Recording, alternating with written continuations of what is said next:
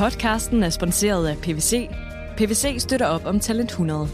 Hos PVC er du både en del af en markedssucces og et sted, der er rart at være. Det er i samspillet mellem de to, at tilliden opstår, karrieren udvikler sig, og vi sammen skaber løsninger for erhvervslivet og for samfundet. Vil du være en del af vores stærke fællesskab i PVC, så tjek pwc.dk-karriere.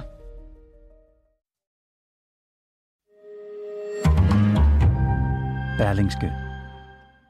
Jeg vil bede jer starte med at svare med et ord Mm. på tre spørgsmål. Hvad bør være det vigtigste emne i valgkampen? Klima. Økonomi. Skal vi have en blå eller rød statsminister? Rød. Blå. Tror I på en regering over midten? Nej. Nej. Rune Lykkeberg, chefredaktør på Information, og Mette Østergaard, chefredaktør her på Berlingske. Velkommen, Pilestred. Tak for det. Tusind tak.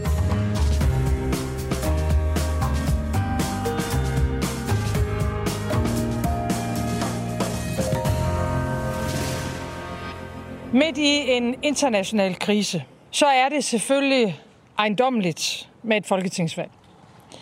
Det er ikke desto mindre det, der er ønsket fra et flertal i Folketinget. Og derfor har jeg i dag meddelt hendes majestæt dronningen, at der udskrives valg til Folketinget. 1. november skal vi til valg.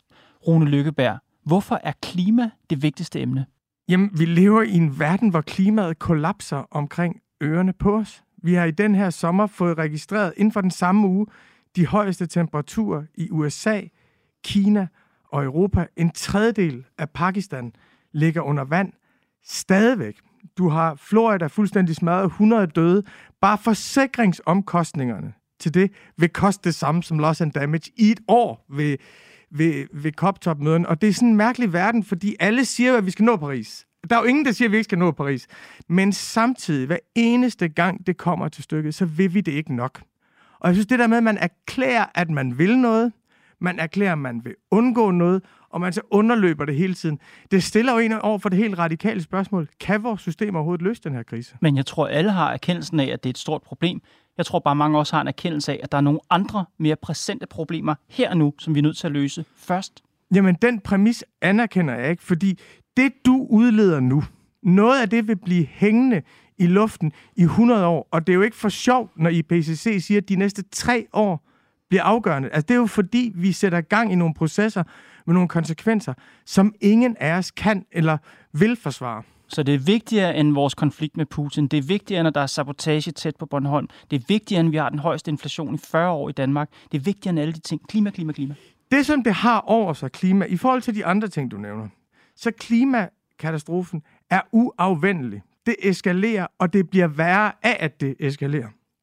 Sidste år var der lige så store CO2-udledninger fra skovbranden, som Australien og New Zealand og Storbritannien på et år. Så det ikke at gøre noget nu, har fuldstændigt uforsvarlige konsekvenser. Det betyder ikke, at man skal sige, at de andre ting ikke betyder noget. Mm-mm. Det kan man ikke. Man kan, man kan ikke rydde alt andet, men man må sige, at vi må tænke det ind i vores svar på Putin, vi må tænke det ind i vores svar på inflationskrisen, vi må tænke det ind i vores svar på den offentlige sektorskrise osv.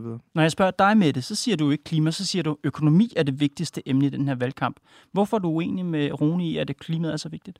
Jamen, øh, jeg er også vigtig, øh, enig i, at klimaet er vigtigt. Jeg tror bare, at man bliver nødt til at få styr på økonomien, fordi ellers så ser vi gang på gang, at nogle af de vigtige prioriteringer, for eksempel hvad vi skal gøre på klima, de kommer, de kommer i baggrunden, de bliver skubbet, øh, fordi der er nogle andre ting, som, øh, som bliver meget mere nære for folk.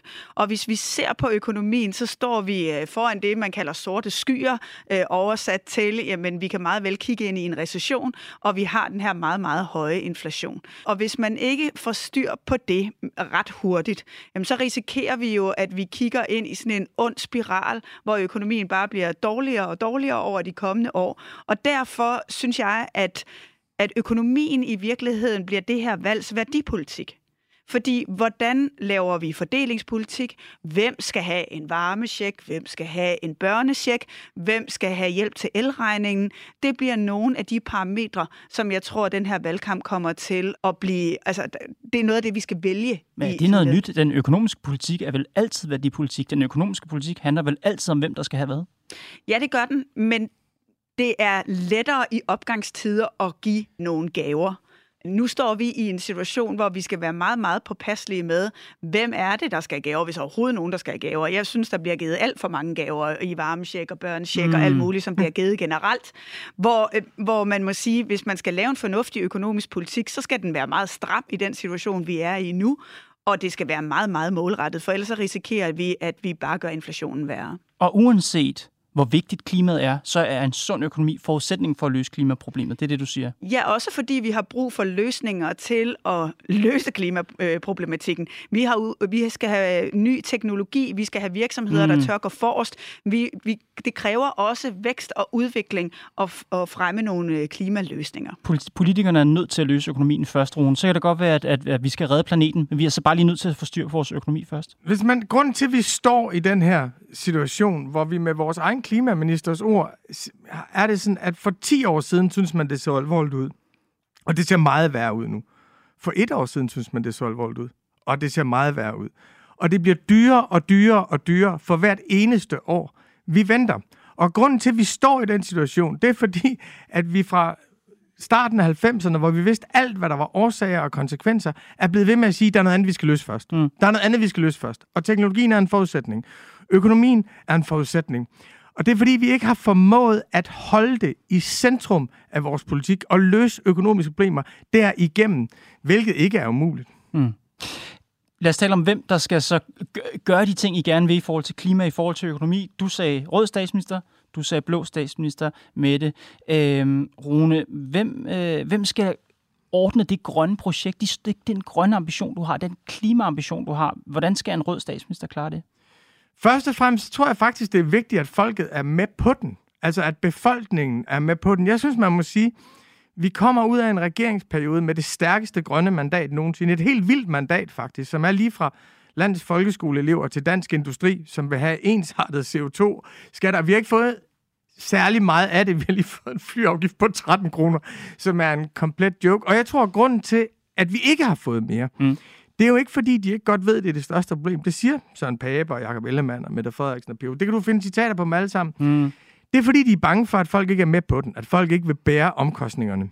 Der var jo en meget stor mobilisering i 2019. Og jeg skal lige forsvandt... forstå, hvad du siger, Rune Løberg. Det er ikke politikernes skyld, det er befolkningens skyld, at vi ikke har fået et grønnere Danmark. Nej, jeg siger, at det er fordi politikerne er bange for, at befolkningen ikke er med. Jeg mener også, at der er noget mere ledelses- og handlekraft i vores politiske system, end det de betjener sig. Jeg mener sagtens, man kunne have lavet en, en ensartet grøn CO2-afgift. Jeg mener sagtens, man kunne have taget fat i Aalborg Portland. Jeg mener, alle de der fredninger skyldes en overdreven sensitivitet overfor mm-hmm. det. Men min pointe er, at du får ikke lavet de radikale transformationer, der skal til, medmindre der er meget stor folkelig opbakning til det.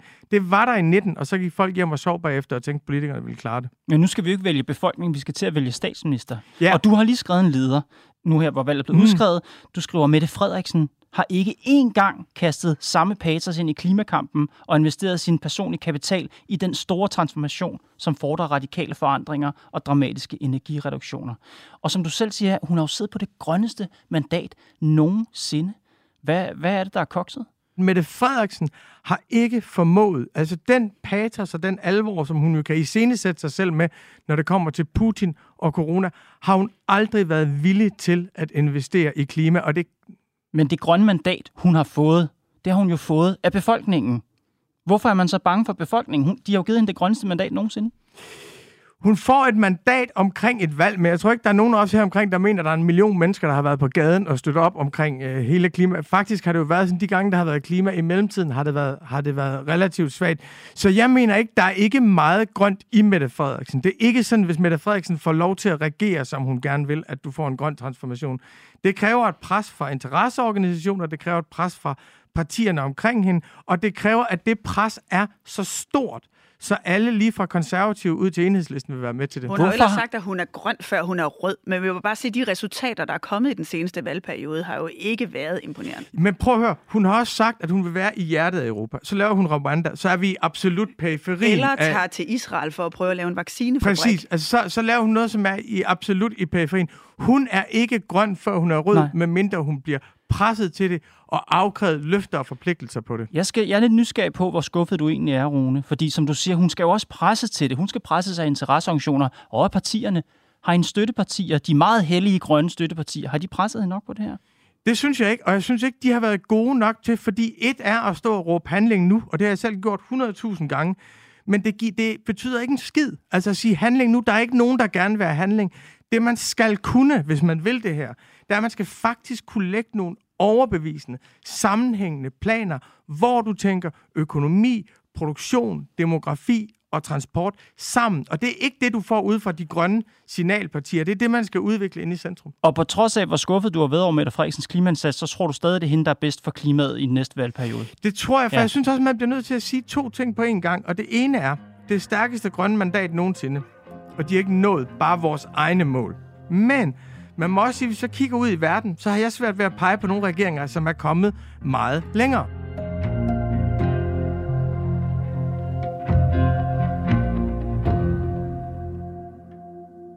Mette Frederiksen, kan de blå... Undskyld.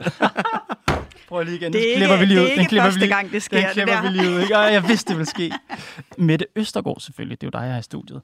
Vi hører Rune sige, at klima er det vigtigste i verden, og øh, den, der skal gøre det, er en rød statsminister. Kan en blå statsminister redde planeten? Jeg tror, at der er masser af potentiale til, at øh, virksomheder og dermed sikkert også mange af dem, som øh, stemmer borgerligt, kan være med til at flytte klimadagsordenen og de, øh, altså de initiativer, der skal ske på området, meget, meget markant. Hvis man ser på, hvad der er sket over de seneste 20 år, FN-sporet har været totalt fodslæbende. Det er rigtigt, vi har fået en Paris-aftale, men hvor mange lever op til den? Det har været meget svært at finde noget, der faktisk drev det meget voldsomt frem. Det politiske liv har også været fodslæbende. Dem, der sådan set går forrest, det har været erhvervslivet, som godt kan se, at hvis de skal tjene penge fremadrettet, så bliver de nødt til at have en grøn profil. Og de er så presset af nogle forbrugere. Men jeg synes i virkeligheden, at det er i høj grad der, der ligger et pres for at udvikle nogle grønne løsninger, øh, mere end jeg synes, at det politiske system øh, er specielt gode til at gå forrest i den kamp. Altså, jeg synes ikke, at jeg hører de blå statsministerkandidater tale gevaldigt meget om klima i hvert fald. Nej, og det synes jeg er helt rigtigt. Altså, øh, men jeg vil jo også sige, nu, øh, nu, nu synes jeg jo også selv, at økonomi sådan set er det væsentligste emne. Så lad mig lige, lad mig lige tage den med dig, fordi jeg har lige haft uh, Lars Rode, nationalbankdirektøren i studiet her i går, mm-hmm. øh, og han siger jo, prøv at høre, vi er nødt til at stramme gevaldigt op stramme finanspolitikken rigtig meget. 1% af BNP, 26 milliarder skal øh, politikere holde igen med i næste års finanslov, hvis ikke det her det skal gå helt amok. Mm. Det den anbefaling, den bliver bare arkiveret lodret. Det bliver den både af Socialdemokraterne og af Venstre. Der er ingen af de store partier, der vil følge vores øh, højeste finansielle autoritet her i landet på det her spørgsmål. Så den Øh, økonomi, som du synes, vi skal ordne, dit håb for en bedre økonomi, kan de borgerlige overhovedet levere det? Jeg synes, øh, jeg, jeg synes ikke, det er særlig smart i forhold til økonomien, at man netop giver de her, øh, den her hjælp ud til øh, befolkningsgrupper generelt. Det tror jeg, man skal gøre meget, meget øh, specifikt for ikke at gøre situationen værre. Men når økonomi er vigtigt, så er den selvfølgelig vigtig lige nu i forhold til inflationen, men den er jo rigtig vigtig på lang sigt. Vi hører selv Mette Frederiksen sige i sin åbningstale, regnestykket hænger ikke sammen. Og samtidig præsenterer Mette Frederiksen gennem Nikolaj Vammen så en 2030-plan, som er et stort bluff. Man, vil, man har en idé om, hvordan man kan skaffe 40.000 ekstra øh, mennesker på arbejdsmarkedet frem mod 2030, men man vil ikke sætte klare initiativer bag, hvordan det faktisk skal ske. For mm. eksempel at tvinge folk på fuldtid i stedet for deltid. For eksempel at lave initiativer, så der kommer flere i den private sektor. Og jeg tror, at det er helt, helt afgørende, hvis vi vil opretholde det samfund, som vi kender i dag, så mangler der hænder. Og vi kan ikke blive ved med at gå og give penge ud til en arne pension og alt muligt andet, der sætter folk ud af beskæftigelse beskæftigelsen, så bliver man faktisk nødt til at lave nogle reformer, som gør, at vi får de her flere hænder, som vi alle mm. sammen gerne vil have. Og det har jeg da kun set øh, de borgerlige, blandt andet Søren Pape, med hans øh, plan omkring den offentlige sektor komme med bud på. Men Søren Pape er jo stadig økonomisk uansvarlig, hvis man ser det fra Nationalbankdirektørens bord, for Søren Pape vil stadigvæk gerne give skattelettelser, og det er benzin på inflationsbålet. Ja, men der tror jeg, man skal se på, hvad er det for, hvornår gør man forskellige initiativer? Fordi det er jeg sådan set enig i. Det er meget væsentligt, hvilke initiativer man tager hvornår. Igen, jeg er ikke enig i, at vi skal pumpe en hel masse varme Så det er måske tid til en borgerlig retning, men det er ikke tid til så borgerlig en retning? Nej, det tror jeg ikke, du kan sige. Jeg tror, du skal se det her i et lidt længere perspektiv. For tror jeg generelt på, at vi faktisk får nogle mere friansvarlige borgere af, at de har flere af deres egne penge. Ja, det tror jeg på, og derfor kan skattelettelser også være en rigtig god idé. Hvornår skal de så gives? Det skal man selvfølgelig tage højde for ind i den økonomiske situation, for mm-hmm. at inflationen ikke bliver værre end det, vi ser nu det er jo svært at sige, at regnestykket går op. Jeg tror, alle, ligesom alle er enige om, at klima er et stort problem, Rune Løkberg, så tror jeg også alle enige om, at regnestykket går ikke rigtig op. Er det, er det rød eller blå, der er bedst til at komme til et ordentligt øh, resultat på regnestykket? Det står mig faktisk ikke lysende klart, men en ting, som jeg vil sige, som jeg egentlig er imponeret over, det er, hvis man ser ud over Europa, så er der faktisk en relativ konsensus i Danmark om at føre en altså nogenlunde tilbageholdende politik. Hvis du ser på for eksempel Tyskland. Tyskland går amok i industristøtte og pumper penge ud i økonomien på det værst tænkelige tidspunkt. Hvis du ser på Frankrig, hvis du ser på Storbritannien, altså Storbritannien er jo sit eget ja, ja. fuldstændigt fejlslagende, højorienteret ideologiske projekt i, i øjeblikket. Men, men jeg synes faktisk, hvis du ser på Danmark i en europæisk kontekst, så er det ret interessant, at vi har noget højere budgetdisciplin, end de har i Men Tyskland. det er også rigtigt. Vi, vi holder os faktisk til, at vi ikke bruger for mange penge. Problemet er bare, at vi heller ikke kommer til med svar på, hvordan vi skaber nogle nye Altså, hvordan får vi flere ud på arbejdsmarkedet? Hvordan får vi skabt et højere arbejdsudbud? Hvordan får vi vækst, og hvordan får vi nogle flere penge, som vi så gerne vil bruge til at opretholde det her samfund? Og det er jo fint nok at holde igen, men vi bliver nødt til at kunne svare på, hvad Danmark så skal leve af fremadrettet.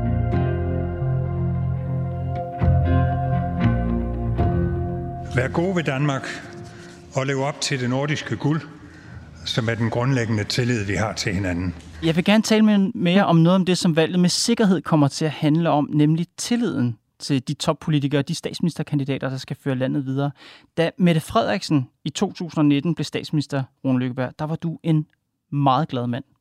Du var i podcasten Radio Information, og der sagde du... Efter valget til nu, der synes jeg, hun har taget det store skridt fremad, som jeg ikke havde set komme, så hun ligesom ikke bare er centrum-venstres samlingsfigur, men så hun faktisk er en troværdig, progressiv leder, der kan give de unge mennesker begejstring og os andre håb for mm. politik. Jeg synes, hendes måde at danne regering på, hendes måde at træde tilbage på, hendes, altså træde tilbage og lade de andre spille deres ting ud på, den ro og resoluthed, der har været over hende, er imponerende. Hvordan synes du, de ord klinger i dag? dårligt. Altså, jeg synes, at forståelsespapiret... Man skal huske på, at vi kommer ud af en periode fra 15 til 19, hvor Lars Lykke var i konstant krig med sit parlamentariske fundament. Og der synes jeg, det der med faktisk at tage ungdommens protester og deres afmagt, deres fornemmelse af, at politik virker ikke, hele lortet falder sammen om ørerne på os, faktisk at tage det alvorligt og lave et forståelsespapir sammen med sin blog, lave det, som er en retning, som både var rød og grøn, synes jeg havde ekstremt meget på sig. Jeg synes, mm. det var en måde at kanalisere noget progressivt ind i politik. Hvis du så ser tre år siden, tre år senere i dag, så er hun jo altså en meget, meget traditionel økonom. Der er jo ikke noget progressivt eller fornyende over hende overhovedet. Man kan mene, hun er reaktionel eller sådan noget, men der er jo intet sådan transformation. Hvis du ser på de store projekter, Danmark kan mere, 1, 2 og 3, det er jo varme fortællinger uden en skid nedenunder. Det er varm Hvis, luft. Hvad siger du? Giver hun, det er det der. Rune Lykkeberg giver Mette Frederiksen der stadigvæk håb for politik, som du sagde dengang? Nej, det gør hun ikke. Men det må man håbe på, at der er nogen, der er omkring hende, som kan. Du er simpelthen bare skuffet. Jamen, jeg er jo for fanden også 48 år gammel, så jeg ja. har jo haft forhåbninger til mange, som så ikke har leveret det, som man, man forventede. Men jeg synes også i vores branche, at der er noget med at se muligheder for, at noget nyt kan ske, når der er et potentiale for det. Men jeg vil bare sige, hvis man gør det, så må man også være villig til at, at drage, det, drage det knaldhårdt til regnskab efterfølgende. Og jeg vil sige, det der regeringsprojekt med ja. at samle magten i hendes figur, og nærmest lave hele sit parti og centraladministrationen om til cheerleaders ja. for hende, det er mislykket. Og på trods af det, på trods af det, så siger du stadigvæk, at vi skal have en rød statsminister. Heller en blå, ja. Så det er stadig, på trods af, hvor skuffet du er over hende, så er det stadig bedre end de blå. Nej, men prøv at høre, det er jo ikke, politik er jo ikke sådan, så du får alt, hvad du drømte om, eller også Du har fået intet af, hvad du drømte om. Der var ikke, nej, noget, nej, der var ikke det der håb. Nej, nej, nej, der var ikke det begejstring fra de unge. Hun har bare nej, taget det hele og kastet ud af vinduet. Nej, nej, nej, nej, prøv at høre. Vi har fået en klimalov, som er genial. Jeg synes, klimaloven er genial. Det, at du rent faktisk siger, vi har en institution, som hedder Klimarådet. Mm. Den anerkender regeringen. De får lov til at evaluere os hvert eneste år og se, om vi har nået vores mål eller ej. Det er jo faktisk en model, du kan brede ud til hele verden. Vi har droppet den 8. udbudsrunde. Kæmpe inspiration til, til, til hele verden. Du ja. har fået nogle meget store investeringer. Så det er ikke sådan, det er ikke sådan, at alt bliver godt eller alt er lort, og så skider jeg ud over det hele og er mm-hmm. ligeglad med det. Mm. Du bliver jo nødt til at sige, man gennem kritik og offensiv dragen til regnskab, der kultiverer man dem, man har, der har magten. Mette Østergaard, du skrev efter redegørelsen, at hun burde trukke sig. Det er en skandale, at hun bliver siddende. Prøv lige at, at uddybe det, fordi det handler om den her magtfuldkom, magtfuldkomhed, som folk taler så meget om. Prøv lige at beskrive, hvor, hvor slemt du synes, det er med Mette Frederiksen. Jeg synes, det er meget, meget alvorligt. Jeg synes faktisk, at man har fået nogle myrekryb undervejs i den her øh, regeringsperiode som øh, demokrat. Jeg synes, det var øh, ubehageligt at se på, hvor meget magten blev centreret i en del af coronaforløbet. Jeg synes, øh, Mink-forløbet øh, selv sagt er en øh, skandale, og jeg synes, at vi har set en, en centrering af magten og en politisering af embedsværket, som har placeret alt for meget magt hos en person. Og det tror jeg øh, ikke er sundt for demokratiet. Derfor tror jeg også, at det er godt, at det nu øh, ser ud til, at nu skal vi i hvert fald ikke have en etpartisregering igen, øh, men have flere, der kommer til at dele magten. Men jeg synes også, det er meget væsentligt, at vi, øh, vi ser på, at det embedsværk, som sidder og skal være med til at understøtte beslutningerne, reelt kan agere fagligt og ikke politisk. Og så er det også vigtigt, at de ministre, som Rune nu kaldte cheerleaders, øh, faktisk får et øh, mandat til selv at kunne udføre øh, deres politik, og ikke netop bare bliver sådan nogle marionetdukker, hvor al kommunikation skal gå igennem statsministeriet. Det får vi ikke udvikling ud af, og vi får magt, en magt, som er meget centraliseret mm. på en usund måde i demokrati. Og alene af den grund er der jo brug for, at vi får et magtskifte. Men synes du ikke i det perspektiv med det? Fordi meget af det er enig i, at der også er noget tankevækkende over, altså at der er sådan en hård borgerlig kritik af Mette Frederiksen for magtfuldkommenhed. Fuldstændig berettet. Men fordi der har været sager at tage udgangspunkt ja, ja, jamen, enig, enig, enig. Ikke bare fordi hun er socialdemokrat, men nej, nej, fordi der faktisk har været noget helt konkret nej, nej, at jamen, jamen, jeg er et til et enig i, at hendes måde at forvalte magten på har været problematisk. Men jeg synes bare, der er noget komisk over, at den blå blok, som så længe har holdt hånden over Inger Støjberg, som vidste, at hun brød loven, at der har været sådan en opbakning til hende, så der var jo aldrig været en rigsretssag, hvis vi ikke havde haft et regeringsskifte. Altså, er det ikke, altså, er det ikke Dobbelt standard, eller jamen, hvad mener du? Jamen, jeg synes bare, at den magtfuldkommenhed, der ligger i at faktisk bare være skide ligeglad. Men nu faktisk... fik vi jo så faktisk en rigsretssag ja, mod Inger Støjberg, jo, jo, og der var et flertal, der stemte men, men, ud af Folketinget jo, jo, men, efterfølgende, men, men, fordi men, man men, men, det fik vi jo udelukkende, fordi flertallet skiftede. Der var enighed om at holde hånden over en, som man vidste havde vildledt for Folketinget, som man vidste havde udstedt en ulovlig instruks. Jeg synes, jeg er enig i Jamen, kritikken af Mette Frederiksen. Enig, og jeg det var bare, jo faktisk jeg... også en instrukssag, som, øh, som kom på et tidspunkt, hvor man havde et etpartisregering. I hvert fald begyndte der. Altså, det, jeg synes, jeg, jeg, jeg er personligt fuldstændig enig i, at den rigsretssag, den skulle vi have. Fordi selvfølgelig skal ministre overholde loven, og derfor er det rigtig godt, at der faldt en afgørelse i den sag, og der faldt en dom, og der har været en straf. Det er jeg fuldstændig enig Men i. Men synes du så ikke også, det er lidt komisk at høre de så? Altså, jeg synes, det er vildt, at hun kunne blive næstformand. Hun kunne blive næstformand i Venstre på et tidspunkt, hvor man vidste, der er ikke noget af det, jeg sidder og siger nu, som man ikke vidste på det tidspunkt. Ej, man havde jo ikke en dom på det tidspunkt. Nej, nej, nej, nej men, men det med vildledet Folketinget, der var noget helt galt ulovlig mm. instruks fra, fra, fra Men jeg synes, det var godt, vi havde rigsretssagen mod Inger Støjberg. Jeg håber, vi får en rigsretssag mod Mette Frederiksen. Men Mette Østergaard, nu vil du jo gerne have noget andet Mette Frederiksen. Du vil gerne have en borgerlig regering, og Inger Støjberg er jo lidt en torn i øjet på en eller anden måde. For mange tror jeg i den forbindelse. Kan du forestille dig en situation, hvor hun for eksempel bliver justitsminister? Jeg vil sige, hvis der er nogen, der strækker den så langt, at hun skal være justitsminister, så synes jeg, at de er meget modige. Jeg synes, der er noget øh, paradoxalt i de dobbeltstandarder, vi har i lovgivningen, som betyder, at uh, Inger Støjberg, uh, hvis hun har siddet i en kommune eller en region og blevet idømt en straf, så vil hun ikke kunne stille op til valg igen allerede nu. Det kan hun godt på en national plan, og derfor synes jeg, at det er, er helt fair, at der er en, en diskussion om, hvorvidt hun skal være minister. Liberal Alliance har sagt, det mener de ikke, hun kan være. Lars Løkke har sagt, at de vil ikke pege på en regering, mm. hvor hun sidder minister. Jeg tror også, at både Jakob Ellemann og Søren Pape, de kan godt se, at de bliver så afhængige af Inger Støjbergs stemmer, at de er, de er villige til at sige, okay, hun har udstået sin straf, mm-hmm. hun bliver valgt igen af folket, og det er sådan set i overensstemmelse både retsstat og demokrati, til at hun kan sagtens komme ind og være minister igen. Men jeg synes grundlæggende, at der er en problematik i, at vi har så voldsom en straf, som Inger Støjberg har, har fået, og man så kort tid efter kan komme ind og sidde på et eller andet højeste embede. Og det er jo det, jeg gerne vil spørge dig til, fordi du vil ikke have, øh, du vil ikke have Mette Frederiksen, du vil have et borgerligt alternativ. Og når vi taler om tillid her, så er det jo tilliden til Mette Frederiksen, der for dig og mange borgerlige er knækket. Så spørger jeg bare til Alternativet, hvor stor er, hvor tillidsvækkende er det borgerlige alternativ? Vi har Søren Pape, som spredte usandheder om sin mands familieforhold og religion. Det har helt klart øh, svækket ham. Er det et tillidsvækkende adfærd fra en statsministerkandidat? Jeg øh, kommer jo ikke som repræsentant øh, for Berlingske til at forsvare nogen af de... Øh håbløsheder, vil jeg godt kalde det, som jeg synes, at der er en del af de politikere, der har kastet sig ud i, herunder også Søren Pape, som tydeligvis ikke har haft øh, ordentligt styr på øh, sit privatliv. Men jeg tror, det betyder rigtig meget for rigtig mange danskere, at dem, de stemmer på, dem øh, anser de for øh, tillidsfulde og troværdige. Og det må hver enkelt jo så gøre op med sig selv, hvem de synes er mest troværdig. Jeg synes i forhold til, hvis vi kigger på Mette Frederiksens øh, magtudøvelse, så har jeg ikke særlig meget tillid til, at jeg tror, at den er god for Danmark. Og derfor tror jeg, at det er godt at få et skifte, og jeg tror, det er godt at få en regering, som består af flere partier.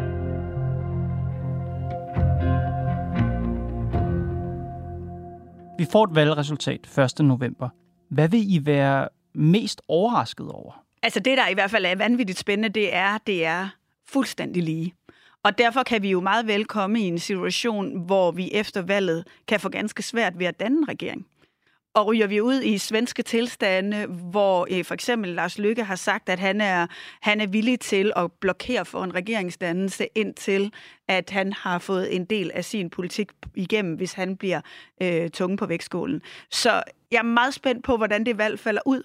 Fordi det er bestemt ikke sikkert, at vi får de scenarier, vi har været vant til de seneste årtier med, nu er det rød eller nu er det blå blok, mm-hmm. og det giver sig selv, mm. hvordan det parlamentariske grundlag sætter sig. Vil det for eksempel være overraskende, Rune Lykberg, hvis vi får en regering med Socialdemokraterne og Venstre?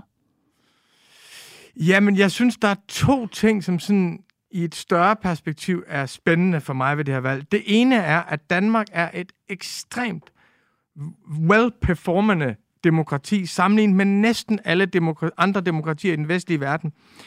Fordi vi har taget protestpartier ind hele tiden. Og vi har lært af protestpartier, så vi får små Trump-shocks hver anden, tredje, fjerde år. Fremskridtspartiet, CD, Dansk Folkeparti, Enhedslisten, Alternativet, alle de der protestpartier har været inde og påvirke vores gamle partier. Og det betyder, at de gamle partier i Danmark er langt mere stabile, end de er i næsten alle andre demokratier. Så vi har faktisk kunne have sådan nogenlunde parlamentarisk stabilitet. Jeg er nysgerrig på, om den her gang, om de gamle partier bliver så små, så protestpartierne ikke længere bare er nogen, der tilføjer irritation og inspiration, men faktisk er nogen, der gør det meget, meget sværere at danne regering. Det er den ene ting. Forholdet mellem, mellem de to, som har været ekstremt vellykket i Danmark.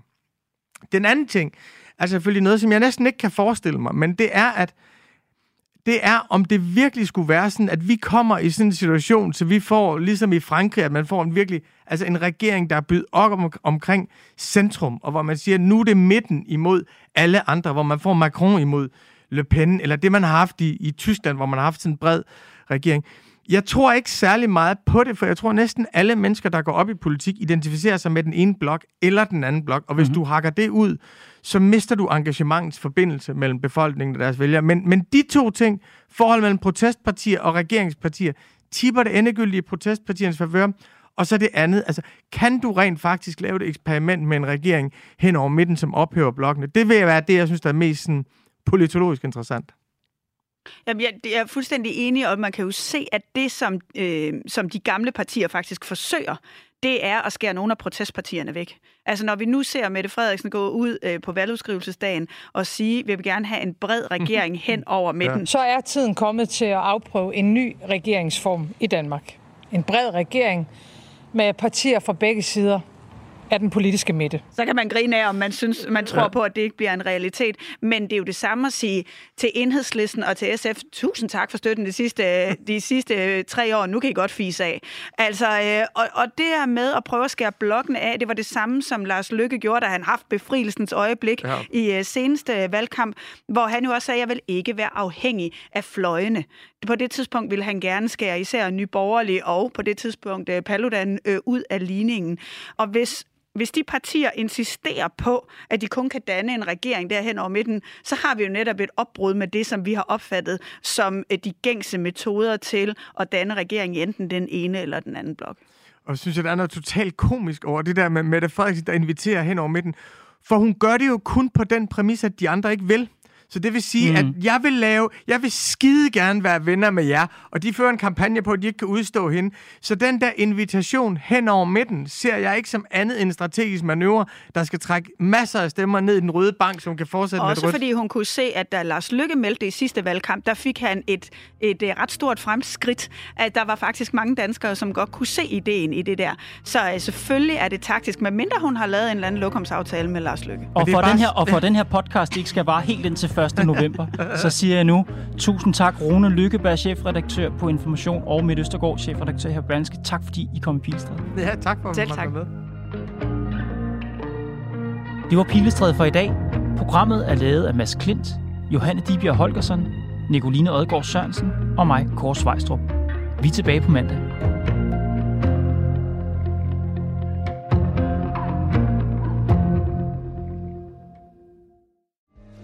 Podcasten er sponsoreret af PVC.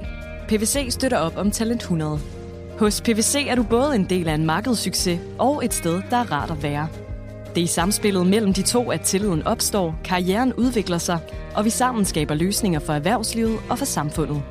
Vil du være en del af vores stærke fællesskab i PVC, så tjek pwc.dk-karriere.